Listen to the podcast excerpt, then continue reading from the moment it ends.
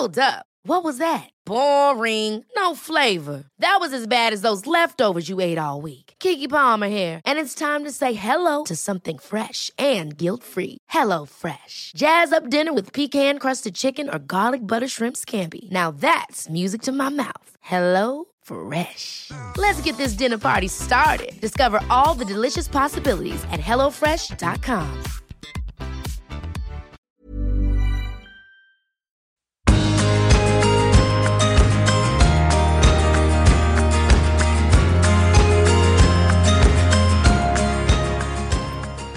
Da er vi inn i en ny episode av Du er unik-podden. Og i dag så er jeg så heldig å ha fått en gjest med meg her i hula mi. Og det er ei dame som er en entreprenør, og hun er en NLP-coach. Og driver noe som heter for Glød coaching.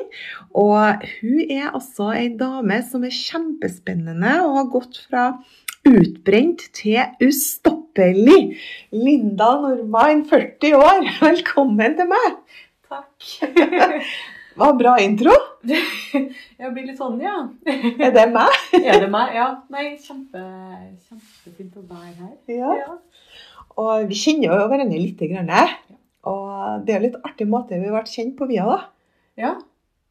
Nå må, jeg, nå må jeg henge tilbake. Ja, det er gjennom Det er Stine. Ja. Ja. Fellesnevneren er jo Ja. Stine, dattera mi, da. Som, eh, som begynte å fortelle meg om det. Ja. Og hvordan dere møtes, vet ikke jeg. Men det er jo ganske mye artig episode hvordan vi møtes. Ja. Absolutt. Ja. Stine, jo, Stine er faktisk eh, eh, venninne av min bror. Ah, Så sånn er fra gammelt av. Så det er sånn jeg møtte Stine. Ja. Så tror jeg vi hooka opp med forhold til det vi deler på sosiale medier, at vi snakker mye det samme språket Ja. der. Ja. Hmm. Det er interessant. Ja. Og Stine tok jo eh, initiativ til sånn sisterhood. Mm. Og hadde lyst til å samle spennende damer, da. Så jeg og du er jo en av de spennende damene hun kjenner, da. Ja. så vi var så heldige og ble inn, innkalt til sisterhood-møte. Og det var jo kjempe ja, fin gjeng. Veldig, veldig fint. Det har gitt mye. Ja. Ja. Og, og der ble vi liksom kjent, jeg og du, da. Ja.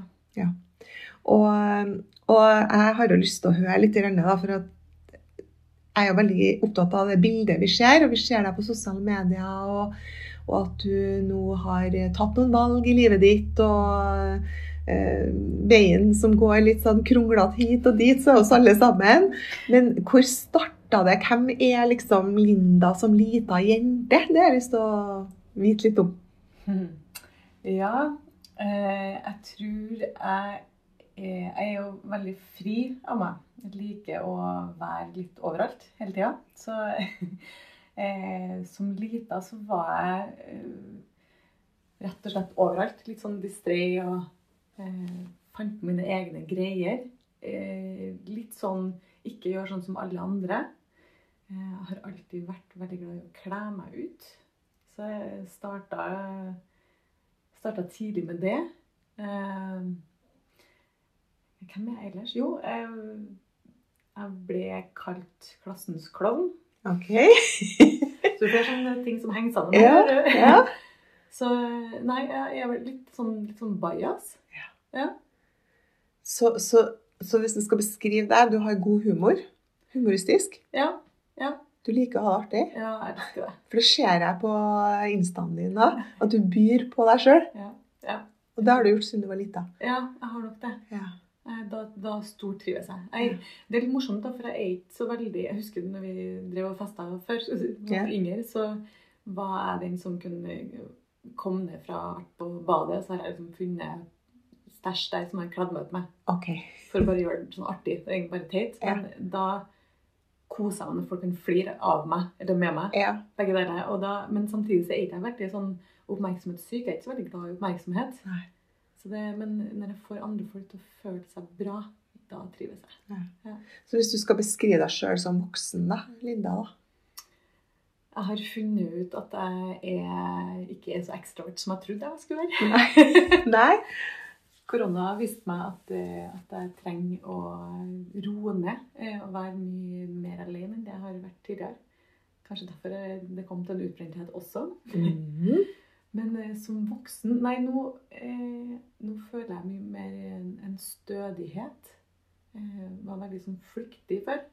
Eh, men eh, fortsatt nysgjerrig. Eh, og så har jeg en sånn lekenhet. Det er der kanskje humoren kommer inn. Mm. Eh, og så er jeg ja, glad. Gladjente. Ja. Mm. Og det der er litt sånn som eh, Har jo alltid vært det, men så har det blitt en sånn greie som gjør at man eh, Glad folk blir gjerne sett på som lettvektere. Ja. Og det har vært en sånn eh, jeg, Nå når jeg har gått coaching, så eh, satt jeg med en, eh, en leder. Mm. eh, og hadde en eh, coaching med han. Og eh, det her er jo via, via noen venner. Mm. Eh, så satt vi og var godt inn i en coaching der, og da sa han at eh, Oi, ja, men det bor jo ganske mye der. det. Her kan du jo faktisk, du. Å ja. Ja. Og det støtter jo kanskje litt den teorien om at eh, den humorbiten og den gledesgreia med meg ikke At det er litt sånn ja, for det er lett. Det er lett. Det er lett, det. Mm. Ja. Interessant. Ja. Det har jeg tenkt over. Nei, Nei. nei, det en sånn Tenker jeg på finansministeren akkurat nå. Ja. Han flyr jo hele tida. Ja. ja. Skape, ja, skape sin Ja, ja, men jeg tror at vi Med å bli kjent med seg sjøl og se at det kanskje Altså, det trenger ikke nødvendigvis å være eh, en svakhet, da, som, eh, som kanskje har vært eh, Jeg har følt at det har vært i mitt liv. Ja. Men, det, men det handler jo om, også mye om hvordan jeg så meg sjøl før. da Før jeg blir stødig i min egen kropp og, og sinn. Ja. Ja. Hadde du de fine krøllene dine i oppveksten, eller? Du har jo så fine krøller. Du har brunt hår, brune øyne, og så har du masse fine krøller. De har vært der nesten bestandig. Eh, men fra jeg var 18, 17-18 til jeg var 38, så har jeg hata dem. egentlig. Mm. Så det, de har vært strekt ut, eh, og så har jeg krølla det på nytt med krølltang. Ja da, kjent. Jeg kjenner meg igjen. Du har hatt Ja, ja, jeg har krølla. Du har krøller, ja. Masse ja. Nei, det er rart med deg. er- Så oppveksten så var det krøller, da, for det var ikke noe glattetang, liksom. Nei, Nei. Linda med krøllene. Linda, ja, var det det? Ja. Ja, Linda med krøllene. Ja, ID. ja. ja. Hvor eh, vokste du opp hen? Du jeg er gangster fra Kolstad. Er du fra Kolstad? ja, så bra. Ja. Ja. Ja. Hvordan var det å vokse opp på Kolstad, da? Du, det skal sies at når jeg var 14, så flytta vi til Husby, da, gjennom tunnelen på andre sida til litt eh, litt annet kår. Nei, Ja. det var ikke eh, like, like fint på Kolstad. Men du vokste opp i en blokk på Kolstad? Ja. Så du er blokkunge, du òg? Jeg er blokkunge. Jeg er blokkunge. Ja, du er det? Ja, så jeg lukter, lukter sånn Ja, trappevask.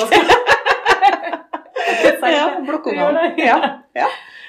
Det var veldig, veldig fin oppvekst. Veldig sånn trygt. Vi hadde det er altså født på 80-tallet og eh, bodde i et tun hvor vi var masse unger. Mm. Slapp ut. Vi var jo ute. Ordna oss sjøl.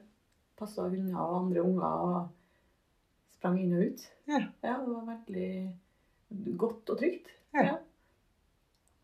var Og så sa du, når du flytta gjennom tunnelen til Huseby, Ja. var, var du gammel da? Da var jeg 14. Fjortis? Ja. ja. Hva skjedde da? Ja, hva skjedde da? Nei, jeg, da begynte vi jo på ungdomsskolen. Mm. Eh, og så bodde jeg der i to år før jeg flytta hjemmefra. Oi. Begynte på videregående. Ja, Litt tidlig å flytte hjemmefra veldig. i byen. Men eh, da, da ville jeg flytte for meg sjøl, jeg. Jøss! Og det fikk du. 16 år, liksom. Ja, Ja. jeg var 16-17. Ja, Ja. jeg begynte på videregående, så da flytta jeg. Ja. Eh, alltid vært litt sånn Jeg er jo litt impulsiv av meg. Ok. Ja. Så ja, Ja. eh, men jeg flytta for meg sjøl, ja. Og da begynte jeg å jobbe uh, i butikk. Mm. Eller først starta jeg på Dickens. Å ja, Husker det husker jeg. Ja, ja, ja. Dickens, ja. Det gikk jo mye. Ja. Ja. Pakka potet og sto i oppvasken. Ja. Så da var, jeg, ja, da var jeg 14 jeg starta der, og så videre i butikk. Jeg har egentlig jobba i butikk i veldig mange år. Ja. Så eh, ja. Videre derfra så har jeg vært i restaurantbransjen. Det skal sies at eh, Noe som hører til min historie, er jo um, nå er I og med at jeg er i coachingbransjen, så har jeg jobber jo en del med overbevisninger og hvilke tanker og hva det er som styrer oss. Ja. Um, og en av de overbevisningene jeg har hatt i mitt liv, Mm. er jo at jeg har vært dum. Å ja. Mm. Ja. Hvor kom det fra? Det kom fra en, eh, en, en leksegreie fra barneskolen. Satt med lekser. Ja. Eh, Og så fikk ikke jeg til det. Og så ble det sagt noen ting og gjort litt sånn gester og sånn som gjorde at jeg kjente at nei, jeg kan jo ikke det her. Er du helt dum, eller har du hørt det, eller? Er det, sånn? Nei, du, det, var, der, det var ingen som sa det. Nei, ingen som sa det. Nei. For der, eh, der har mamma og pappa vært veldig gode på hva de har formulert og hva de har sagt. Ja. Så det, jeg har aldri hørt det ordet. Nei. Men det var mer eh, Det kan være ja, Leksesituasjoner er jo ikke artig. Det skjer Nei, nei, nei. Og slitne foreldre som bare Åh, sant? Ja, og det kan være en liten ting Ja. der, er sant. Som, som egentlig er Åh, hvor trøtt og sliten jeg er nå. Dette orker ikke jeg. Ja. Og så oppfatter du Åh, hvor dum du er. Ja. Det her får du til. Herregud. Nå tar du det, Tenk deg hvor mange unger som opplever det. det Og så går vi hele livet og tror at vi er dumme, for at Ja. vi hadde en sånn Åh, Jeg vet jo, jeg har jo gjort det sjøl. Så det er overfor min, min sjuåring. Så det Og jeg tenker jo veldig på det nå. Det gjør det. ja. Men det har jo vært med å forme min eh, vei i livet. Ja. Fordi at jeg har ikke kunnet gått på høyere utdanning, for jeg er jo dum. Og hvis jeg går på universitetet eller prøver å gjøre noe eh, som har med karakterer å gjøre, så blir det eh, veldig synlig at jeg ikke kan noe. Så det har du skydd? Ja. Ah. Tenk deg hvor mange som har det sånn. Så hvis vi snakker til foreldre som hører på det her, da, Mm. at vi må være obs på Mm. det er sånn bare et, et stønn omtrent. Mm. At hvis vi da altså At vi tenker over det, og så sier det at nå stønner jeg for at jeg er sliten, ikke for at det har noe med deg å gjøre, du kan dette her, og du er flink, og at vi prøver å kvalitetssikre at vi ikke Det er ikke så lett, da. Nei, og det, og det der kommunikasjon er jo Ja. så viktig. Og kommunikasjon er jo ikke bare det verbale, men, men kroppsspråket vårt. Ja. Og det å, tenke på det. Og det er så mye annet vi skal tenke på som foreldre, men Herregud. en sånn grunnleggende det å tenke over kroppsspråket vårt, rett og slett. Ja. Eh, er Overfor ungene. Ja.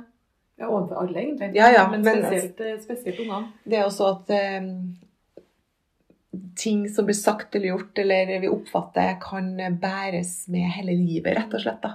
Ja, for det, det er akkurat det du sier der. Det, når vi er barn, så er vi formbare. Ja. Eh, mens når det har satt seg etter vi er sju år, så Ja. er det jo Det skjer, skjer jo sånn som nå når man har vært eh, gått gjennom en sånn utviklingsreise, så ser man eh, Eller jeg ser at ting jeg reagerer på, som er normalt for meg å reagere på, Ja. vil jo ikke være normalt for deg å reagere på.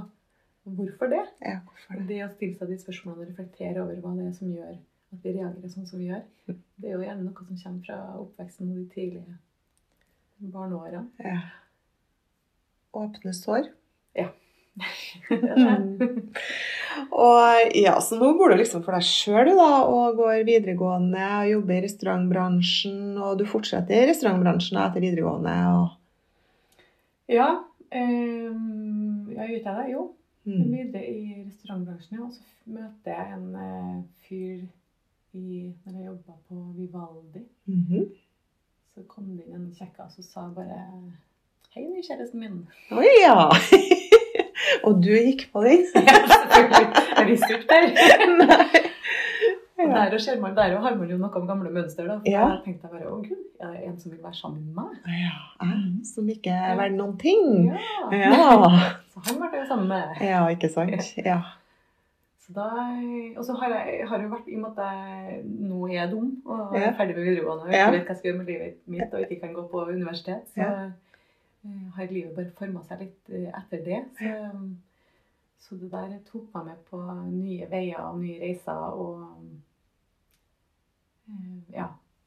Begynte så på makeupskole. Oi. Var det en jentedrøm, eller? Nei. Nei. Helt Nei, jeg tror- tilfeldig? Ja, jeg, jeg klarer ikke å huske hvorfor jeg gjorde det, egentlig. Jeg tror eh, Jeg har jo den teatralske biten med meg, så jeg var jo glad i å kle meg ut. Og så Ja. hadde jeg mamma som jobba på teatret da jeg var lita. Å ja. Var med, hun vaska der først, ja. og så begynte hun på um, eh, jobbe med scenografi og lage eh, kulisser. Ah. Så jeg elska jo å være med på teatret. Ja, det skjønner jeg. Det var kjempe Så den kle seg ut-biten og makeup og Ah. spesialeffekter sånn kommer jo egentlig kanskje derfra. Love it. Ja, ja det er Kan vi ikke ha sånn utkledningsjentekveld? Ja. Herregud, jeg er sånn, elsker å kle meg ut. Ja. Du gjør det? Ja, jeg gjør det. Ja. Ja. Jeg syns det er det å ta ny, være nye roller Ja. og ikke Ja, nei, jeg syns det er Jeg var akkurat likedan, og jeg fortsatt og elsker når det er temafest. da. Ja, og- Og så og så da jeg var lita, så var det sånn skuespill og, og rakk opp handa og ville ha hovedrollen og Ja, ja, ja. eh, akkurat sånn som meg. Ja. Helt eh, Artig. Ja. ja. Og alle blir jo ikke skuespillere, Nei. men vi har en liten en inni, inni magen. Er jo litt skuespiller hver dag sånn ellers. Ja, vi er jo det, da. Ja. Men eh, ja, nei. Det, ja. Så da hadde du kjæreste plutselig, da, og så eh, makeup og Gikk du videre da med Mm. makeup og Ja. hud og ja, da begynte jeg jo på For da flytta vi opp til Trondheim. Det var jo Oslo jeg gikk makeupskolen. Okay. Mm Ok. Tilbake. Um, og da begynte jeg på Hud og Spa-akademiet. Mhm. Så jeg ble hud- og spa-terapeut. Mhm. Og jeg husker når vi hadde praksis der, så var det Da fikk jeg helt noia. Oh, ja. Hvorfor det? Fordi at eh, jeg hadde en kunde, hun hadde massasje. Mm. Eh, og så tok jeg mot eh, hun dama her og skulle massere. Og så, når vi er i en sånn setting hvor man er nær hverandre, Ja. så eh, slapper folk av. Ja. Og når man slapper av og føler seg trygg, mm. da slipper vi løs følelsene våre. Ja. Så hun dama her følte seg antageligvis trygg sammen med meg, eh, og slapp løs følelsene sine. Det var ikke jeg klar for. Så da fikk jeg helt noia. Eh, jeg tok inn alt som var av hennes følelser, og kjente at det var for mye for meg. Så da eh, klarte ikke jeg å være hudpleier lenger. Så Ok, for hun ødela den karrieren. Ja. Takk skal du ha. Anna. Ja. Nei, men det var sikkert en grunn for det, da. Ja, jeg tror jo at eh, Jeg skjønte ikke det da, Nei. men nå i dag, når jeg vet det jeg vet nå, og har lært de leksene jeg har gjort nå, så skjønner jeg jo hvorfor. Ja. Jeg gjør det. Jeg skjønner jo at det eh, Ja. Det Så da ble det, det ble en kortvarig karriere, da. ja. Ja. Når jeg hoppa tilbake til salg, så har jeg jo jobba med hudpleieprodukter etter det. Så jeg har Ok. jo vært i bransjen, men ikke som utøvende hudpleier. Nei. Nei. Ja, men Jeg ser ikke for meg at jeg sitter inne i et lite kabinett i ro. Hæ? Nei, kan ikke være i ro. Nei, Nei. det ser ikke jeg for meg. Så, men at du har brukt erfaringa di, og så har du reist rundt og besøkt butikker og hudpleiesalonger og sånn, da. Så jeg har vært eh, Jeg liker jo frihet. Det er jo en av mine verdier. Ja. Jeg, må jeg må være fri. Jeg kan Mhm. ikke komme og fortelle meg hva jeg skal gjøre. Så Nei. la meg styre sjøl. Så jeg har eh, drevet og reist masse. Med, så jeg har reist mellom Møre og Finnmark i Mhm. mange år Mhm. som, eh, med hudpleie og makeup. Ja. Jeg elsker det. Jeg elsker jo nordlendinger òg. Ja.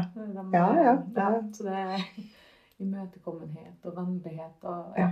Der, kan jeg, der kunne jeg være meg sjøl, rett og slett. Akkurat. Ja. Det var, det var fantastiske år. Ja. Og der kom jo min første utbrenthet Ok. også, faktisk. Ja. Så du har hatt flere? Ja, to ganger. ok. Så første gangen var når du var reisende. Og hvor gammel var du da? Da var jeg 23. Oi, det var tidlig. Ja, Mhm. det var veldig tidlig. Ehm, Da drev jeg og reiste så mye eh, Mm. at eh, til slutt så ble det Det var ikke noen pauser. Ingen pauser i det hele tatt. Nei. Og så eh, er det jo masse, har man jo masse gamle, gamle sår, som sier, åpne sår, som Mm. jeg den gang ikke skjønte styrte meg. Mm. Ehm, Jeg skjønte ikke i det hele tatt. Så, og når det da ble for mye og jeg ikke regulerte meg sjøl eh, følelsesmessig med stress, så ble det rett og slett utbrenthet av det. Hva gjorde du da? Hvis, hadde du noe selvhjelp der, eller hva gjorde du? Ja, da, da ble det yoga. Okay. Det, var liksom første, sånn, det ble en sånn eye-opener for meg med, Mm. med yoga. Mhm. um, og så så sa, jeg opp han kjæresten min den gangen. Du sa han opp? Jeg sa han opp. Ja. Jeg trodde at det var han som var problemet. Ja, ja. Det. Så jeg sa opp han. Og så jobba jeg meg tilbake igjen, ja. Eh, kom meg ut av utbredden relativt fort, for den satt ikke så dypt den gangen. Nei. Eh, For da hadde jeg meg sjøl. Mm. Så jeg fikk reparert meg sjøl ganske fort med sånn overflatereparering. Ja. Da var jeg 23, ja. og da bestemte jeg meg for å reise jorda rundt. Oi. Ja. Og så etter det skulle jeg begynne på BI med markedsføring. Internasjonal markedsføring. Men stopp en hal, har du reist jorda rundt? Nei, jeg har ikke gjort det. Det ble ikke sånn. Nei, men det var noe du hadde lyst til, da? En Mm. drøm? Jeg hadde kjøpt billettene. Oi, De var klare. og hva skjedde? Jeg fikk tilbud om å kjøpe eh, den gullsmeden jeg jobba som ekstrahjelp i. I Trondheim, eller? I Trondheim. Ja, Ah, på Solsiden. oi. Så jeg, jobbet, jeg har jo alltid hatt tre eller fire jobber okay. mens jeg har drevet og farta, farta rundt, skulle du si. Så jeg um, Ja. liker at ting skjer. Og skjønner jo kanskje også at jeg gikk på en smell. ja. Men, eh, men ja, jeg hadde kjøpt billetter og hadde søkt å komme inn eh, på BI Oslo. Mm. Og så kom den muligheten her om å kjøpe den butikken. Så da var valget gullsmed, BE Oslo eller jorda rundt? Eh, Det skulle være jorda rundt først, Ja. og så skal jeg komme hjem til BI. August og BI start. Ok. Så valget var jorda rundt BI eller Eller gullsmed. Mm. Og så valgte du gullsmed. Jeg gjorde det. Har du angra på det, eller? Nei, eh, nei, jeg har ikke angra. Men, eh, men jeg tenker jo um, jeg, jeg, jeg skal jo reise jorda rundt for det. Du skal det, ja? Skal Du har gitt opp Nei, den drømmen? nei. Har du gitt opp BI, da? Ja, den har jeg Ja. Det har jeg lagt- lagt Ja, jeg tror det. For mm. nå, har jeg jobbet, nå har jeg jo lært mye gjennom de ulike jobbene jeg har eh, hatt. Ja, erfaring. Ja. Så jeg nå eh, Har du funnet ut at du ikke er dum nå, eller? Ja. Ja, bra. For, I forfjor. I forfjor! Nei, 38 år tok det. Det det. Så Ja. djupt satt det, liksom. Ja. Da jeg- og da, det var jo etter den andre utbrentheten som, Ja, ja. eh, som var ja, skikkelig Da havna på sykehuset. Jeg Trodde jeg hadde hatt slag. Da skjønte jeg det. I den eh, reisa ut av den utbrentheten der, da skjønte jeg at jeg Herregud, jeg er ikke dum. For det, for det der, altså, du var jo veldig ung nå, da, hvis jeg skal bare ta ferdig med gullsmedbutikken. Du var veldig ung, Mm. eh, fikk ansvar for en butikk på Solsiden i Mm. Trondheim. Hvor lenge drev du den, da? Eh, det skal sies at det har gått Jeg var 23 da. Da var jeg jo 27. Ja, Det er ungt, da. Ja, det er kanskje det. Det er ungt, da. 27 år, og så tar du over en butikk. Ja. Ja. Da eh, jobba jeg der eh, Jo, starta Jeg var jo heldig eh, det året der. Eh, fordi at eh, KBS-en var tatt ned. Ja. Eh, og så var det en butikk som eh, Den var veldrevet, mm. men de ansatte hadde fått litt sånn De var litt lei. Det var ikke noen yeah. motivasjon. og eh, det var drevet av et voksent par, mm -hmm. som jeg ser på som mine ekstra besteforeldre Mhm. fantastiske folk. Eh, og så tror jeg rett og slett Jeg hadde jo jobba som ekstrahjelper i ja, fem år før det. Sju, sju år var det der. Ja. Ja. Eh, så hver gang jeg hadde ferie fra den reisejobben min, så jobba jeg der. ja. For jul i butikk ja. er helt fantastisk. Jeg liker det. Ja, jeg elsker det. Ja. Og så er det noe med den der nærheten du får til, til kunder som handler dåpsgaver, forlovelsesringer, kjærestegaver. Livets store øyeblikk. Åh, det er fantastisk. Kunne være en del av det. Ikke sant? Et magisk Ja, Ja, du får gåsehud nå. Herlig. Jeg elsker det. Så, um, Ja. så ja, da starta jeg butikken, ja. Eh, Eller tok over. Eh, Da økte vi omsetninga med én million det Wow. første året. Magisk. Så artig. Ja, det var også gøy. Jeg fikk liksom snudd mentaliteten til dem som jobba der. Ja. Så hva de var gode på. Ja. Lot dem utvikle seg i, i den rollen. La dem få ansvar. Bare, ja, det var det var vakkert, rett og slett. Det å være en kvinnelig leder da, for andre, hva er det som er viktig da? Um, Hva gjorde du som var bra? jeg så mennesket. Mm. Jeg så helheten, så hva de var gode på. Så hva det var som gjorde at de gløda, rett og slett. Og fikk dem til å gløde enda mer? Ja. Ja. Fordi at når de hadde det bra og, og ja, altså, Jeg tror jeg var god på å se altså, hele personene, også i, i livet de levde Mm. utenfor jobb. Fordi at du må ha det godt der og hvis du skal ha det bra på jobb. Så jeg sørga for at de eh, sjøl også var i balanse der. Da. Mm. Ja. Det er jo en eh, kjent filosof, Jim Ron, som Ja. er min favoritt. da. Ja. Han sier jo da at du må hjelpe folk med mer enn forretningen, du må hjelpe dem med livet. Og det er jo det mange har misforstått som ledere, sterke ledere. Fordi at de, eh, de presenterer tall og 'kom igjen', og 'det her er for dårlig', og 'vi er nødt til å skjerpe oss og levere'. Vi må levere! Ja. Eh, og så er det veldig vanskelig å leve da, hvis livet ditt eh, hjemme er kaos, eller at du ikke har det bra med deg sjøl. Mm. Så hvis du gjør sånn som deg, da, hjelper dem med livet og backer opp og får dem til å gløde, og at de får eierforhold og syns det er artig, Mm. så kommer jo tallene, da. Det gjør det. Ja, og det som var viktig for meg, var at det var transparent. fordi at når jeg gikk inn i butikken der, så var det økonomien min. Ja. Det var livet mitt, det. det var livet. Og hvis det ikke gikk bra der, så gikk så da hadde jeg ikke noe inntekt. Jeg hadde ikke noe grunnlag, noen ting. Alle pengene mine var jo der. Ja. Så for meg så var det viktig at de skjønte at de er en kjempeviktig brikke i den butikken. Ja. Du, er, du er viktig her. Ja. Uten deg så klarte jeg det. Nei. Så det Teamwork. Ja, det var helt fantastisk. Ja. Og da går jo årene, og um, du passerer vel 30 etter hvert. Og, Mm, ja, og så var du vel 30, da.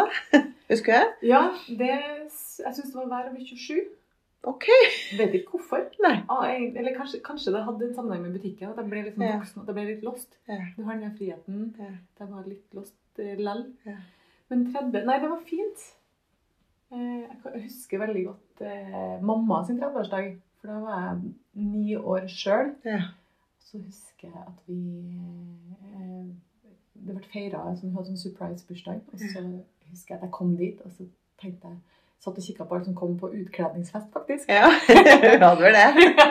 Ja. Så sprang jeg opp i andre etasjen og, og satt og gråt og gråt. Sånn ordentlig sånn sorggråt. Oh. Fordi at nå var jeg så gammel at nå kom jeg til å dø snart. ja.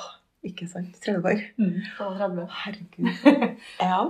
Så det var eh, ja, men det var jo altså Unge ser på 30-åringer som utgammel. ja, ja. Og nå har du blitt 40. ja. Nå er jeg utgammel nå. Nå er nå. Nå har det nettopp begynt. Det er akkurat begynt. Ja. Jeg skjønner det etter hvert. da. ja. Men eh, etter gullsmedbutikken og sånn, eh, når var det du fikk barna dine? Du har to barn. Mhm. Fem og sju år. ja. Hva heter de? Noel og Ellie. Noel og Ellie. Ja. Herregud, så fint. Ja. Ja. Ja. De er fine. Ja, de er fine, og de er nydelige navn. Og, og du er singel, for å si det òg, da. Mm. Eh, Jeg vet ikke om det er noen menn som hører på, men eh, løp og kjøp til meg. og singel med de her to eh, fantastiske, fine ungene dine. Ja. Og har blitt 40 år. Så hva skjedde da, liksom? Når møtte du faren til de her barna, og hvor var du hen i livet da? Han møtte jeg et år etter jeg tok over butikken. Ja. Um, hadde jo egentlig visst av ham en god stund før det òg. Mhm. Um, og så um, igjen gjent, Historien gjentok seg. At oi, det er noen som har lyst til å ha meg. Oh, ja. noen Ja. som syns jeg er bra nok. Så da ble vi sammen. Um, veldig fin fyr. Men jeg ser jo at vi er jo ikke en god match. Han er bra, og jeg er bra, Ja. men vi ikke bra sammen. Nei. Så eh, eh, det ble noen humpete år der. Ja. Eh, hvor jeg Nå i dag så skjønner jeg jo at jeg har hatt en magefølelse på det hele veien, egentlig. Okay. Men jeg har ikke lytta til det, fordi at eh, egoet mitt har styrt meg. Hjernen og hodet, hodet har styrt meg i, fordi at det passa veldig inn. Og så begynte jeg jo å bli voksen, så trengte jo barn snart. Litt rasjonelt. Ja, veldig rasjonelt tenker, Ja. tankegangen der. Ja, nå skal jeg ha barn, han er en fin fyr. Nå, ja. Mm, Ja. Jeg er ganske kjent. Ja, det er det. Mm. Ja. Tror det er mange som kjenner seg igjen her. Ja.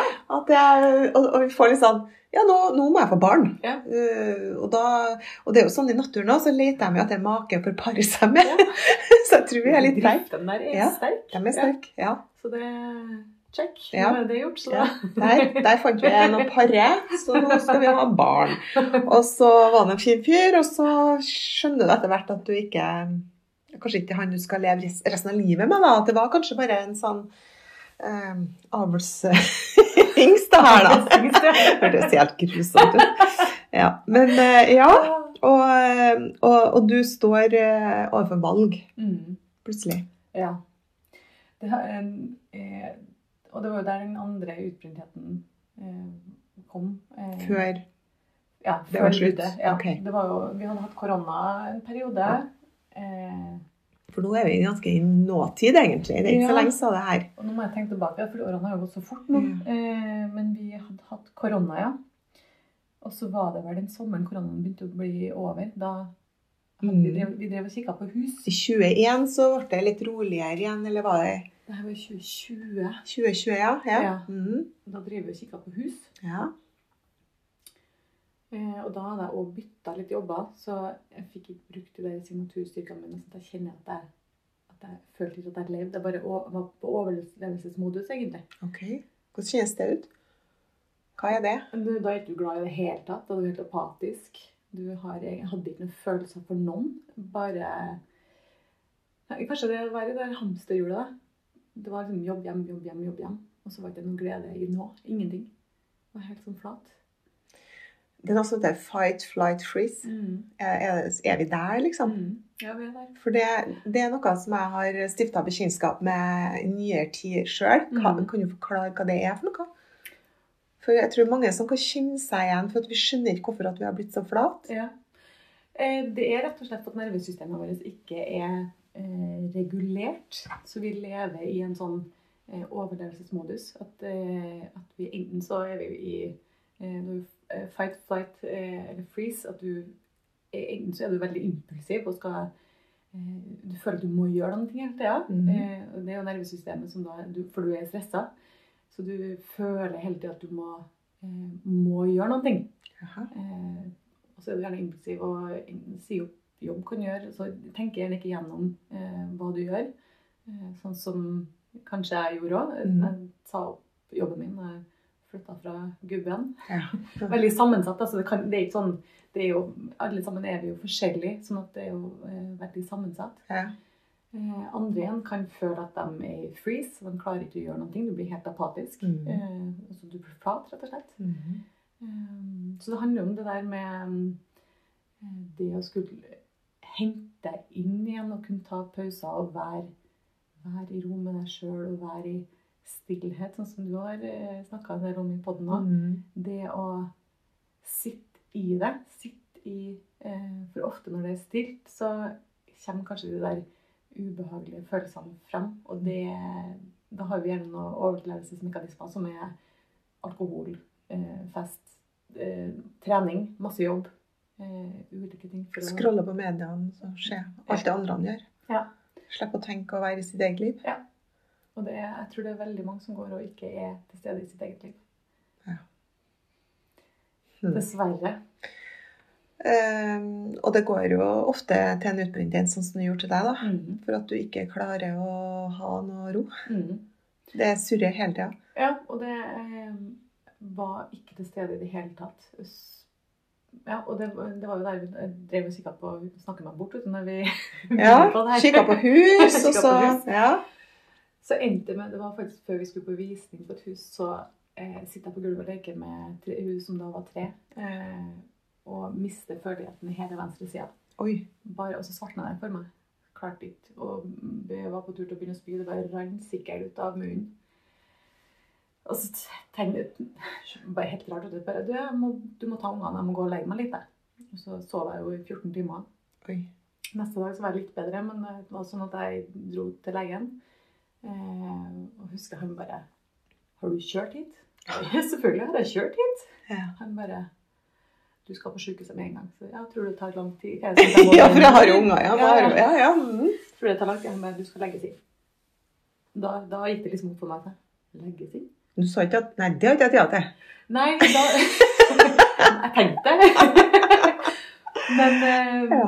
men nei, det, er- da, da gikk alvoret litt opp for meg. Her er noe Her er noe galt. ja. Så mm, da, da begynte den oppvåkninga, rett og slett.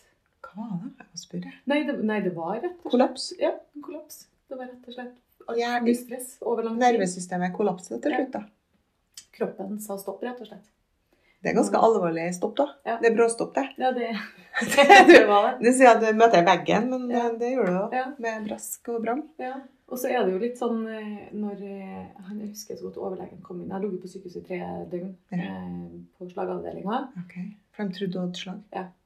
Det var de, det, jeg husker de dagene sånn helt fantastisk. For det var altså, helt sånn latterlig, egentlig. Men da kunne jeg sove Ja. hele natta. Jeg kunne slappe av. Jeg fikk servert mat. Jeg kunne gå på do alene. Så det var veldig godt. Mm. Men jeg husker godt når overlegen Det kom to overleger inn og stilte seg opp og kikka på meg og bare Du er veldig frisk, du. Ja.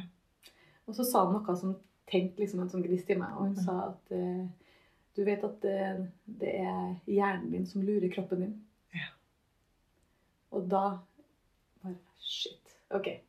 Hvis hjernen lurer kroppen min, så skal jeg klare å lure den tilbake.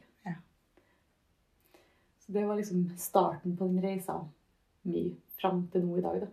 Hm. Det er, ja, det er jo ikke noe som ikke skjer for en grunn, da. Så du, du måtte jo bare tvinges i kne sikkert for å skjønne at du måtte gjøre en endring, da. Er en treg trønder. så- Det er en treg, ja. ja. Og, ehm, og det her ehm, med Du har jo sånn hashtag 'sliten mamma' i dag òg, ja? At du hjelper mange som er i den situasjonen du har vært i, da. Mm.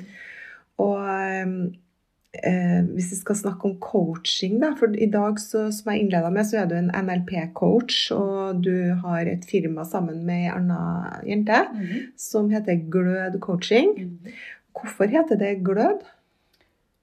Det heter glød fordi at når damer eh, gløder, så skaper vi ringvirkninger. Og det at vi, eh, vi spesifiserer oss på mødre eh, Alle sammen kan jo bli hjulpet av det vi gjør, men vi spesifiserer det til mødre for vi ser at med en gang en mamma står stødig i seg sjøl og tar vare på seg sjøl, så gir det her ringvirkninger til døtrene våre og sønnene våre. Så vi skaper endringer i generasjoner nedover. Mm. Bra. Mhm.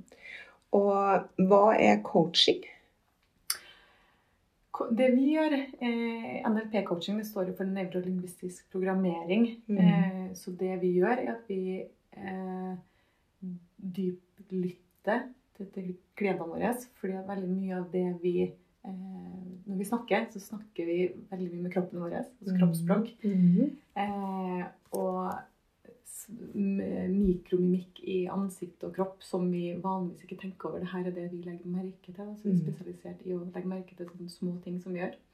Oi, hvor mye har du lagt merke til meg nå? Ble det litt så skummelt? Jesus. Ja, OK. Mange som får litt sånn Å, Ja. gud. Kan Ja, spooky. Ja. Og det gjør det spooky, men det er, jo- jeg kobler jo ikke på den, den, den biten av meg hele tida. Det gjør ikke jeg. Men, eh, men eh, det vi er gode på, er å eh, høre det som ikke blir sagt. Altså Ja. det som er mellom ordene. fordi at Akkurat. Lingvistisk er jo språk, Ja. og hva det er når vi snakker. De ordene vi bruker, viser ganske, vi utelater ganske mye da. Ja. Så ved at du bru- eh, Det som ikke er sagt, Ja. det hører du. Ja. Hmm. Hmm. Spennende.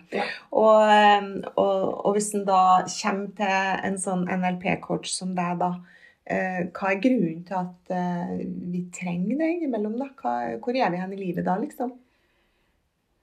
Jeg, jeg, Det som er litt synd, er jo at man kommer først når man har gått på en smell. Ja da, det er da vi går og får massasjer. Ja. Ja, for det er så jævlig. Ja. Men nei, eh, grunnen til at man skal gå til en coach, er hvis man føler litt på altså går man og ikke, Hvis man ikke har møtt veggen, men går og Mm. kjenner på en sånn uro i kroppen, at du ikke klarer å sitte stille, eller at du går og tenker på at det, du skulle ha gjort noen ting, eller at du ikke er på rett plass. Um, um, så um, ja, at du egentlig kjenner en sånn uro, da. At Mm. du har lyst på Ting ikke er helt sånn som du Ja. kjenner at du har lyst til at det Ja. skal være. Det er jo veldig vanskelig. Jeg har jo vært der mange ganger i livet, og, og det her med at du ikke finner svar. Mm. Du Ja. søker og søker ut, da. Ja. Du googler omtrent, skjønner for å finne svar. Men eh, så glemmer vi at det handler om ro, da. Og det som du sier da, for vi søker svar ut, men, så har du den der indre stemmen. Ja. Eh, Og det er den du finner. Det er den jeg finner. Ja.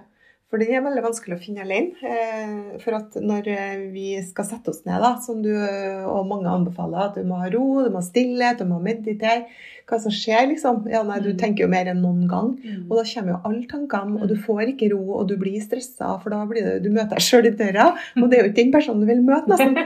Så, så, så, det, så det dere gjør, da, det er også å hjelpe oss til å finne de her stemmene inni oss som egentlig vi hører, men som er overskygga av støy. da. Mm. Ja, og så er det For det vi, det vi gjør, er jo eh, Det er litt ulike former for coacher, men det vi gjør, er at vi stiller bare spørsmål. Vi kommer ikke med råd. Nei, ikke Ikke noe noe råd eller tips. Svarene er inni oss, liksom. Ja, det er du som er i fokus, og Ja. det, det er dine svar. Ja. Og det som er da, for ofte så er vi eh, Det vi jobber med, er at vi, vi hjelper deg inn i en rolig eh, state. Jeg ser jo veldig godt på hvem som er stressa og ikke. Ja. Så når du kommer til meg, eh, så er man som regel stressa. Man har Mm. liksom skuldrene Ja. Ja. eh, hodet. Så det, det, jeg starter med, er å regulere eh, eh, staten din. Jeg skal få deg ned i stolen. Ikke, for de fleste sitter liksom opp sånn. sant? Mens eh, da får jeg deg ned i stolen, så snakker vi bare vanlig. Det er som en vanlig eh, Sånn som jeg og du sitter nå. Ikke sant? Det oppleves bare som en samtale. Ja. Så jeg hjelper deg liksom ned. eh, Det er ikke noe skummelt, liksom. Nei, ikke i det hele tatt. Nei. Ikke i det hele tatt. Det, det er bare veldig vakkert, egentlig. Ja, ja. For det starter med det, og så stiller jeg spørsmål. Mm. Og det, eh, de som ikke er vant til å gå til coaching, Mm. har som regel en motstand. Ja. Den eh, ser jeg jo med en gang. Ja. Så du klarer ikke å lure meg. Nei. det, går ikke. Nei.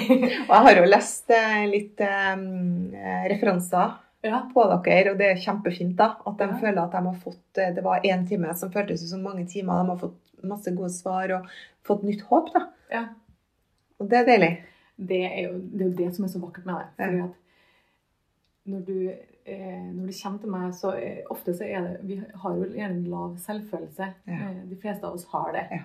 Eh, og det jeg gjør, er jo å styrke deg som menneske med Mm. de ressursene du har i deg. Mm. Det kan kanskje høres litt sånn svevende ut hvis du ikke har prøvd det, Mm. men, eh, men det De fleste går ut, og så er det liksom sånn Du hører gjerne en si 'Å, jeg er ti kilo lettere', eller 'Jeg føler meg glad', 'Jeg føler meg lett', 'Jeg føler meg rosa'. herlig. Så det er mye Ja, det er Du får Mm. For vi, vi er jo så vakre, Mm. alle sammen, og alle sammen klarer vi å få til det vi vil Mm. når vi får trua på oss sjøl og står stødig. Men eh, du sa jo sjøl at eh, det er bare et par år siden du fant ut at du ikke var dum. Var Mm. det gjennom NLP-coaching, eller? Mm. Var det? Ja. Du, du har jo sikkert jobba hardt med deg sjøl i denne utdannelsen. Ja. Jeg har møtt mye skyggesider og mye og Gud, hvor mye drit som ligger der. Og jeg trodde at jeg hadde ikke det. Fordi Nei, jeg. Ja, jeg har alltid vært positiv og Glad. glad, og ting har kommet enkelt til meg. Ja. Og så har jeg hatt noen perioder hvor ting ikke har kommet enkelt, men da har jeg jo skjønt at da har jeg levd i tråd med meg sjøl. Da er det tomt. Mm. Og så har jeg opplevd, eh, som andre, mye drit sjøl. Ja. Og ting som har lagt seg i underbevisstheten som jeg ikke huska. Ja. Som har kommet frem. Og som jeg har måttet tilgitt. eh, Både meg sjøl og andre. Ja. Så jeg har jobba med ting som Det har dukka opp så mye rart at jeg Herregud. Ja. Jeg, jeg har, det er ikke rart? Som ikke Du fått tømt søppelbøttene. Ja, skikkelig. Ja. Og har en lang vei å gå ennå. Det er flere områder i livet jeg ikke har tatt. Ja. Men det, det her er jo en prosess. ja. Det skal jo fortsette gjennom hele livet. Så det å ha Jeg er så glad for å ha blitt kjent med meg sjøl.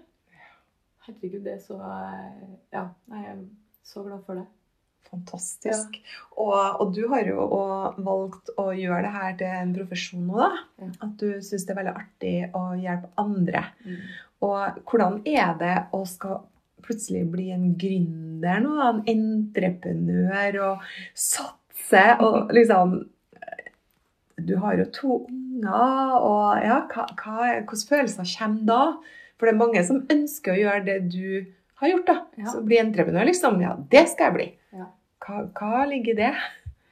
Nei, det, jeg må jo si at når du i sted også sa det at du som kvinnelig leder, sa du. Ja. Og da ble jeg litt sånn Oi. Jeg er ikke leder. Nei.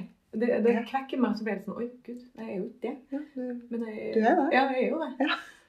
Nei, jeg, jeg tenker det som gründer som, um, det, var, det var jo veldig skummelt, for jeg røska jo alle røttene mine Mm. eh, for to år siden. Ja. Eh, ble singel. Valgte å gå fra eh, han jeg var sammen med. Mm. Eh, og og si opp jobb Mm. og starte helt, helt på nytt. Eh, jeg tror jeg trengte det for å, for å på en måte se hva det er som bor i meg, og hva som eh, Hva jeg er kapabel til å gjøre. da. Men, men eh, det å være gründer er kjempeskummelt.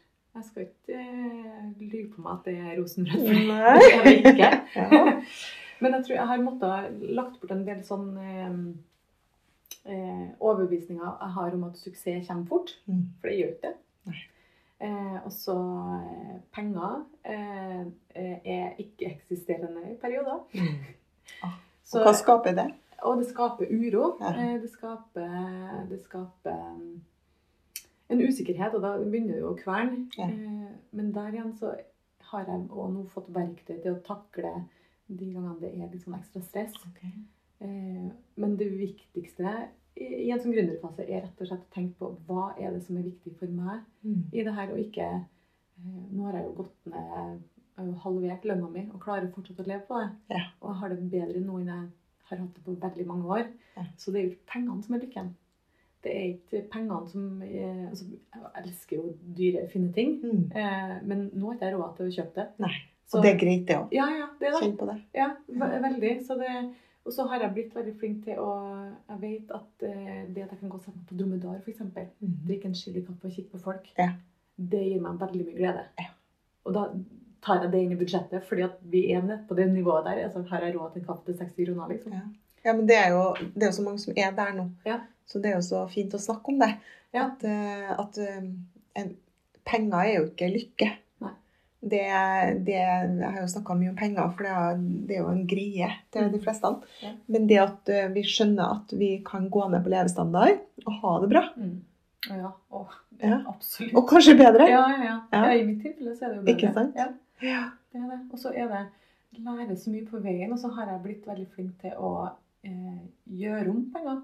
ja. Ja. Hva betyr det? Skap, skap verdier der, der jeg nødvendigvis før ikke har sett verdier. Eh, og og eh, har vært liksom tvungen til å gjøre ting I og med at jeg har et eget firma nå, så ble jeg blitt tvungen til å gjøre litt ting som er utafor komfortsonen. Selvfølgelig, det er jo en del av gründerskapet. Men eh, eh, i etter Sisterhood Circle så har jeg jo møtt flere folk og har nå laga et makeup-kurs, f.eks. OK. Eh, Ja. Som jeg aldri har kommet til å ikke Hvis ikke jeg har møtt dere. Nei, så du tør å ha gjort det? Nei, Nei. Men, eh, men pga. den coaching-biten og at vi Mm. eh, filmer og gjør ulike ting der, så har jeg nå torsa og filma et makeup-kurs som skal vises i Så kult. Så har jeg tjent penger der. Sant? Så Ja. gjør om hva er det jeg liker å holde på med, og kan jeg tjene penger på det. Ikke sant. Og ikke bare, bare sånn det her, Nå skal jeg gjøre én ting, men at, at veien på en måte er eh, Når det regner masse og det blir en vekst, så plutselig så tar det en, en sidevei. sant? Ja. Og så kommer du inn på sporet igjen, men du må ta en liten sidevei for å komme deg i mål. da. Ja. Så det er jo et godt tips til damer. da, at eh, Hva er det du er god på som du faktisk kan tjene penger på? Mm. Som andre kan ha nytte av. Og også det som jeg hørte på nyhetene nå, at det var mange som solgte mye mer nå på Finn og Mm. eh, sånne salgskanaler. For vi vet jo at vi sitter med masse verdier som vi ikke bruker. Ja. Som vi kan eh, glede andre med, og så kan jeg betale litt for det, og så får du inn penger. Ja. Så det òg, damer. Ja, Kom igjen, altså. Ja. Det har vi jo gjort. Ja. Vi bruker jo film. Ja. Kjempe, kjempemessig. Veldig. vi har mye greier som ligger i skap og skuffer. Ah, jeg vet, og jeg, jeg går og tenker på det, så jeg skal jo begynne, jeg òg. Ja. Det er mye som mange kunne fått glede av. Ja, sant? Ja. Så, men dette her eh, hvile, gå innover eh, Du er veldig opptatt av det. Hva, er, hva mener du med det? Hva mener du med det? Å hvile. Eh, Du kan ikke gå og legge deg på sofaen, for det er noe lat, tenker jeg. Ja, men det finnes ulike former for hvile. også. Ok. Ja. Og Men, men det du sier der da, med det å være, være lat, for da er du lat, det er jo gjerne en overbevisning vi har. mm, Fordi at eh, vi trenger hvile. Vi trenger restitusjon. Eh, idrettsutøvere gjør jo det. Setter veldig, de, hviler, ut. de hviler mye. Ja, de gjør det. Ja. For skal du prestere når du Og det er jo, du er jo idrettsutøver, du òg, med en femåring og en og full jobb. Ja, jeg jo det. Så trenger å hvile. Trenger hvile. Ja. Men det er liksom, det, det er jo blitt sett på som latskap. Sant? Ja. Så det, vi skal prestere, vi skal Mm. leve, i- vi lever i et sånt prestasjonssamfunn. Ja. Det vil jeg være med på. jeg. Nei. Nei, har ikke lyst til det. Nei. Så der har jeg dratt i bremsen, og så ser jeg jo det for å komme meg gjennom utbrentheten, så jeg måtte ha hvilt. Ja. Men ikke nødvendigvis bare ligge på sofaen. Nei. Fordi at du har ulike former for å hvile, ting som gir deg glede, som, som fyller deg opp. da. Ja. Det å, sånn som her du bor, det å kunne se solnedganger. Ja. Hvis det gir deg glede, så er det hvile for hjernen. For det Fokusere på fine ting. Ja. Er det hvile? Det er hvile. Det er Ja. hvis du drar oppmerksomheten din mot noe som normalt sett ikke har fått oppmerksomheten din. Ja. Det er hvile. Mindfulness. Ja. Vær til stede. Ja. Når jeg var i klosteret, så fikk vi ikke lov å snakke når vi spiste. Og det var veldig fint. Og det, ja. For at eh, da smakte maten annerledes, og du var bare liksom i Du bare tenkte på å spise, og oi, den var god, og det kombinasjonen der var bra. Og sånt. Mm. Istedenfor å sluke maten Ja, og prate. mindful eating. Du, der hadde jeg en veldig fin eh, opplevelse når vi eh, gikk eh, NLP-coachinga. Ja. For jeg var ikke vant til å sitte eh, foran skjerm og ha undervisning, så jeg ble veldig selvopptatt på hvordan man ser ut. Det var forferdelig. Nå eh, kommer jeg litt lenger. Så. Men, eh, og da skulle jeg spise, og så tenkte jeg gud, kan ikke sitte og spise knekkebrød foran 20 andre damer som ser at jeg spiser. Jeg kan ikke gjøre det. Så da liksom ble jeg liksom på sida, så knekte jeg små biter av ja, det knekkebrød her. Knekkebrød, okay. smør, hvitost, paprika. Enkelt. Ja, Jentemat. Vet du, det måltidet der, det, er- det er sånn for Ja, fislinger. ja. Det smakte så vanvittig godt. Men det var spist sakte, rolig og var helt til stede i det måltidet. Ja. Helt. Ja. Så det um, Så vi må ta tilbake ro og hvile og gå innover. Får vi noen svar. Vi gjør det. Vi gjør det. Og du har jo også en podkast som heter Glød. Ja. Og der snakker dere om akkurat det her. Ja. Så det å gå inn der og få gode råd Det er jo det vi Det er jo det som coaching med, med coaching er jo det å eh, bruke språket og omformulere det vi har Altså omformulere ordene vi bruker. Ja. Ikke minst det. Eh, hva, hva er det å være lat? sant? ja. Hvem er det som definerer det å være lat? Ja. Det er jo noe vi har hørt, da. Ja. Sikkert fra foreldrene. Ja. 'Herregud, hvor lat du er. Ligg der og late deg'. Ja, sant. Det er det. Ja. Så det er ulike definisjoner av alle altså, Egentlig stiller seg spørsmål om all, alt av ord vi bruker i språket vårt. Mm. Hvor kommer, hvor, hvor kommer min oppfatning av det ordet fra? Vi har snakka mye med Therese Ulvan om det her med I am. Etter 'jeg er'. Det definerer deg. Ja. Så alt du sier etter 'jeg er', det definerer hvem Ja. du er. Ja. Og så definerer vi oss sånn som du, da. 'Jeg er dum'. Mm. Ja, For det hadde du jo oppfatta. Mm. Og så er det en sannhet. Mm. Helt til du snur. Mm. Og alt av andre ting som vi går og har en sannhet, da. Og det er, jo- det er jo ting som man forteller seg sjøl Ja, ja, ja. Banke opp oss sjøl. Er, Mm. nei. Du er opptatt av leveregler. Mm. Har du lyst til å dele en leveregel? Åh, jeg, jeg, jeg har lyst til å si én, da. Ja. Jeg vet ikke om det er en av dine favoritter, men det var én som jeg syns da eh, Hvis det du gjør, ikke virker, gjør noe annet. Ja. Selvfølgelig. ja, selvfølgelig. Men- Ja. Det høres jo sånn Ja, selvfølgelig må vi gjøre det. Hvis ikke det hjelper å skru denne boksen den veien, så må du snu og skru andre veien, da. Skjønner du ikke? Men det er jo ikke så lett, da. Med endringer Nei, og så tenker vi veldig stort på det som regel. Vi tenker ikke på de små, små endringene som skal til for at vi kommer oss til et større mål. OK.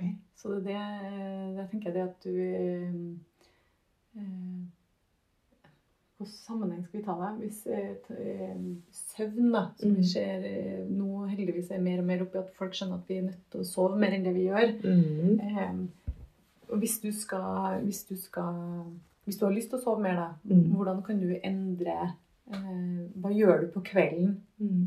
eh, som gjør at du ikke får nok søvn? Ja. Endre det. Ja. Og så er det noe med å Det er jo nødvendigvis bare å endre det, fordi at du må se at du må ha et mål. da. Du må ha, eh, og mål er jo et ord som jeg har redefinert for meg sjøl òg. At mål syns jeg er litt sånn maskulint og hardt. Ja. Eh, så, og da får jeg litt motstander av det. Ja. jeg vil ha det litt mykt. Ja. Men det å ha en retning å, å gå mot, Ja. eh, gjør at du har en klar, en klar formening om hvor du skal hen. Det er veldig viktig. Ja. Eh, sånn at hvis du hvis, eh, Som mamma, da. Eh, Mm. det å vet at nå, De sover antakeligvis ikke hele natta, f.eks. Mm. Så jeg trenger, eh, jeg trenger åtte timer søvn for å fungere. Ja. Da må jeg legge meg ti, for jeg er en morgen så jeg står opp seks, eller eldste dattera mi våkner seks. sant? Ja. Så er det å se, da, hvis jeg skal få til det her, eh, hva får jeg når jeg sover eh, for nok søvn? Ja. Hva er det positive gevinsten i enden her? Ja. Og hva, er det hvis jeg, hva får jeg hvis jeg ikke gjør det? Ja. Da blir jeg en sur, grinete mamma, og så sprer det her seg ut i, i hverdagen min, så blir det en dritdag. Ja. Mens hvis jeg da skrur av Netflix da, Ja. eh, et kvarter før eller en time Mm. før, så gir det meg mye mer glede Mm. dagen etterpå. Ja. Så det er Juster. juster. Hele veien. Juster. Juster seilene ettersom hvordan vinden blåser. Og gjør du feil, Mm. så er det ikke feil. Nei, Du Nei. bare reiser deg, og så prøver du på nytt igjen. bare gjør det på nytt igjen. Ja. Kult. Og så lukter du så godt. jeg spurte om, hva du lukter, og jeg har jo vært sammen med deg noen ganger, og så ser jeg du har med deg olje. Har du det i dag, eller? Ja. Hør se hvilken olje du har i veska. Du har en sånn, sånn liten, lekker, svart væske, veske, og der nedi Og så kommer det opp en grønn pung. Er Der er olja. Mm. Hvis du skal gi meg én olje, da gi meg én olje. Og nå, har- ja, nå har jeg ikke med meg noe egne Det flasker i dag. Men det der, er, det der er min personlige parfyme som jeg har laga. Er det her du har på i dag? Ja. Og her har du laga sjøl? Ja. Herregud. Jeg har jo jobbet, når jeg jobba med som reisende selger, så reiser jeg jo også med parfymer. Ja. Så jeg, jeg, Her kan du selge! jeg gjør det. Ja, Du gjør det? Jeg gjør det. Jeg vil kjøpe. Der ser du endelig penger. Du, ja, men, ja, men jeg visste jo ikke det. Nei, sant. Så jeg, så du kan ikke bare ha noe selv hvis ikke noen vet om det. Du må jo få det ut her. Ja. Hva i alle dager? Her er jo steingod. Er Jeg vil ha sånn. Ja. skal, du skal få kjøpe en sånn til meg. Nei. Tusen takk! Jeg vil det. Og, men hva er det med altså Jeg elsker å lukte og har duftlys og pinner og har holdt på med olje og studert litt om det. Og, Ja. ja. Men hva er det, hvordan virker eteriske oljer på oss? På sinnet vårt? Det virker på humøret vårt, rett og slett. Ja. Ja, det hjelper på å roe oss ned, nervesystemet vårt. Så det er Oljene vil jeg jo si har vært eh, en stor del av min tilfriskning eh, fra utbrenthet. Ja. Eh, for det Jeg starta med Når jeg var utbrent, så har man gjerne hjernetåke. Ja.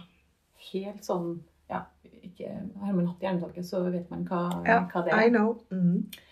Eh, og da leste jeg på det at rosmarin kan være fint for å lette hjernetåke. Mm. Og så har du frankincense, som er, som er bra for nervesystemet. Det brukes bl.a. i eh, hvis man har depresjon. Mm. Så det lett, letter humøret. da.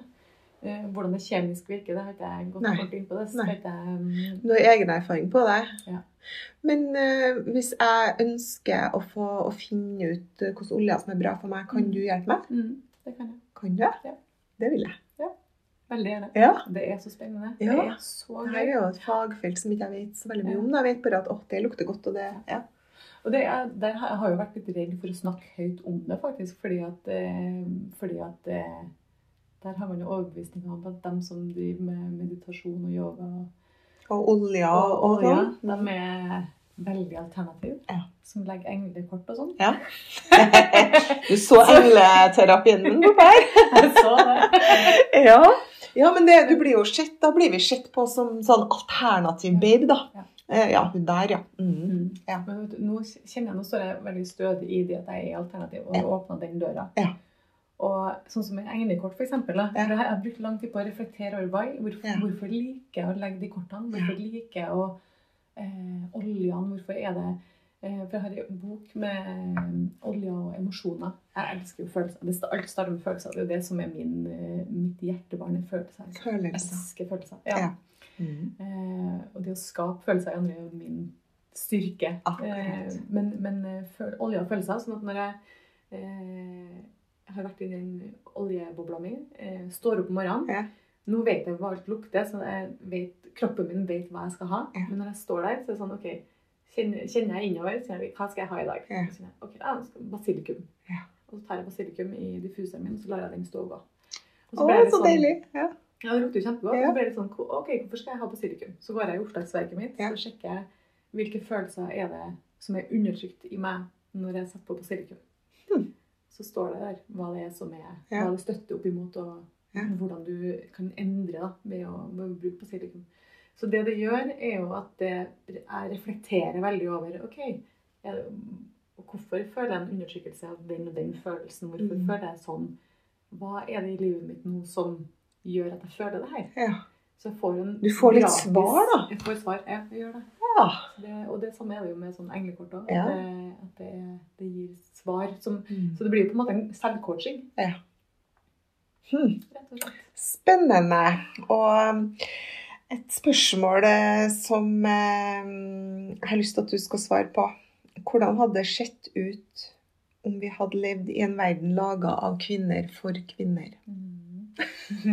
For det er et spørsmål du sjøl har stilt. Ja. Ja. Du har funnet den på Glød eh, Glød, glød Instagram. Da sto det der, tenkte jeg. Ja, det lurer jeg faktisk på. Ja. Ja. Vet du, jeg tror at eh, i dag så lever vi veldig i et veldig maskulint samfunn. Et samfunn som er bygd opp av menn. Um, så tror jeg det at med en gang vi tillater følelser, nærhet, eh, det å se hverandre, eh, og ikke ha det prestasjonssamfunnet, men å se de myke sidene av så vil vi få en helt, et helt annet samfunn. Da. Vi vil få en helt annen trygghet. Fordi at når vi er trygge, da står vi stødig i oss sjøl. Tar gode valg. Vi tar gode valg. Ja. Gode følelser, gode Ja. valg. Når vi ikke er trygge, hva er det som skjer da? Da er, da er vi Da stenger hjernen ned. Så ny kunnskap og nye eh, inntrykk og sånn er bare Det blir som sånn teflon. Jeg har jo inntrykk av at det er veldig mye frykt nå med verden. Ja. med krig, og vi har hatt covid-tid, vi har eh, økonomi Mm. eh, som, som gjør at det skaper frykt. da. Mm. Og da lurer jeg på hva kan vi gjøre, da? Vi kan gå til en eh, NLP-coach nå da, og få selvfølgelig snakka om det. Mm. Men sånn, hvis en skal se litt stort på verden, da, Mm. og eh, at vi styres av frykt nå, hvordan kan vi snu det hver enkelt av oss, da? Jeg gjør en konkret ting eh, som kanskje jeg, jeg, jeg trekkes litt sånn fram og tilbake med hvordan jeg, hvordan jeg gjør det, skulle du si. Men eh, jeg har bevisst valgt å ikke følge med på nyheter de siste to årene. Mhm. Og det er en stor innvirkning på livet mitt. Ja. Eh, For tidligere så ringte vekkerklokka, og så tok jeg telefonen, og så var det rett på VG-nett eller Dagbladet. Ja. Og da setter frykt seg i kroppen tvert. Fordi at det er Du starter da med frykt. Ja. Ja. Så jeg gjør ikke det. Nei. Eh, hvis jeg skal gå inn på nyhetene så det som, jeg det er noen familiemedlemmer som har sagt at herregud, du må jo se nyheter, du må jo få med hva som skjer i verden. Så har du det? Ja. Du, du får jo vite hvis det Ja. Gjør jo det. De ringer jeg hvis det er noe alvorlig. Ja. Men Mm. så, så, selvfølgelig så er det viktig å være samfunnsengasjert og følge med på, på hva som skjer, men Ja. da vit hvilket tidspunkt du eh, Ikke før du legger deg på kvelden, og ikke på morgenen. Det, det former dagen din, og det former nattesøvnen din. Ja. Så eh, midt på dagen Ja. greit. Bare inn og. Ja. Ut igjen. Ja. Glem det. Rett og slett. Ja. Og så er det jeg tenker, en Det er jo da, i og med at jeg har nå har vært alene i to år, Mm. og vi har hatt covid oppi det hele Mm. em, eh, Og mannfolkene står ikke i kø, så det, man er mye alene. Ja. Så er det noe med det der Jeg har, kjent, jeg har aldri kjent så mye kjærlighet i livet mitt noen gang. Så mye nærhet, samtidig som at det, vi har hatt avstand av det. Det Det, er jo trygghet som har gjort at jeg kan blomstre nå. Ja. Så det er, det er så fint. Så det å si til folk du møter at øh, 'glad i deg', eller 'takk for at du, takk for at du deler din historie', for Mm. å, vi er laga for å koble oss på hverandre. Og Ja. det, når vi gjør det, så blir det så fint. Ja. Mhm. Hvor er Linda hen om ti år? Da har jeg reist jorda rundt. det tror jeg du har. Ja. Ja. Har du to tenåringer, 15 og 17 år. ja. Å, shit. Ja. ja. Du, vet du, da har jeg Ja, da er Glød coaching oppe og gå skikkelig. Ja. Eh, og vi har hjulpet mange, mange mødre og andre damer. Mm. Eh, jeg tror også eh, innen da så har vi faktisk hjulpet en del menn òg. Eh, for eh, de må trenge å finne sin feminine side og komme i kontakt med følelsene sine. Mhm. Um, så, men da er jeg en anerkjent coach, rett og slett. Ja. Bra. Både jeg og Hilde som har det sammen nå. Men da er vi anerkjent. Da er det litt sånn når vi snakker om gløtt coaching, så Vet alle hvem det er? Ja. Så bra. Det er en bra visjon. Ja. Jeg skal ikke kalle det mål, for det vet jeg at du ikke liker. Ja. Det for hardt. Men en visjon. Ja, ja, det er det. er en visjon.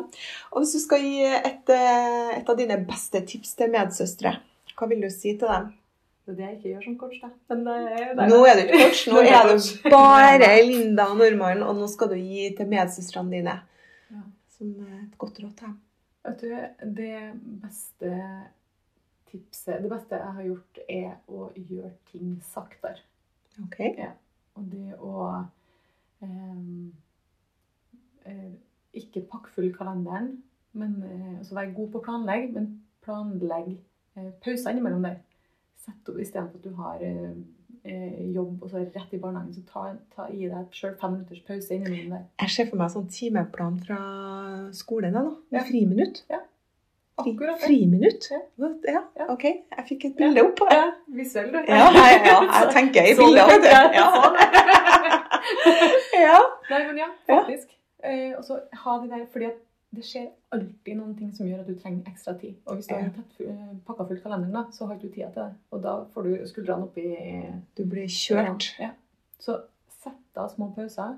Og det er jo de der pausene i hverdagen. Hvis du løfter blikket ditt og ser på horisonten, så gir du deg sjøl en pause hele tida. Så er det alle de der små pausene i løpet av en dag gjør at du blir mer i balanse.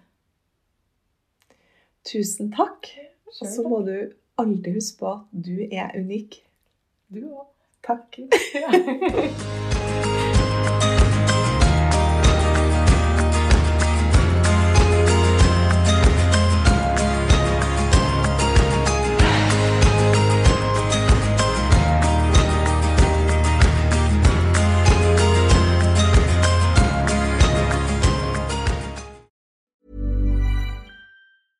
Ever catch yourself eating the same flavorless dinner three days in a row?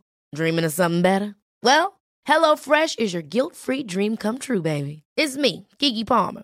Let's wake up those taste buds with hot, juicy pecan-crusted chicken or garlic butter shrimp scampi. Mm. Hello Fresh. Stop dreaming of all the delicious possibilities and dig in at HelloFresh.com. Let's get this dinner party started.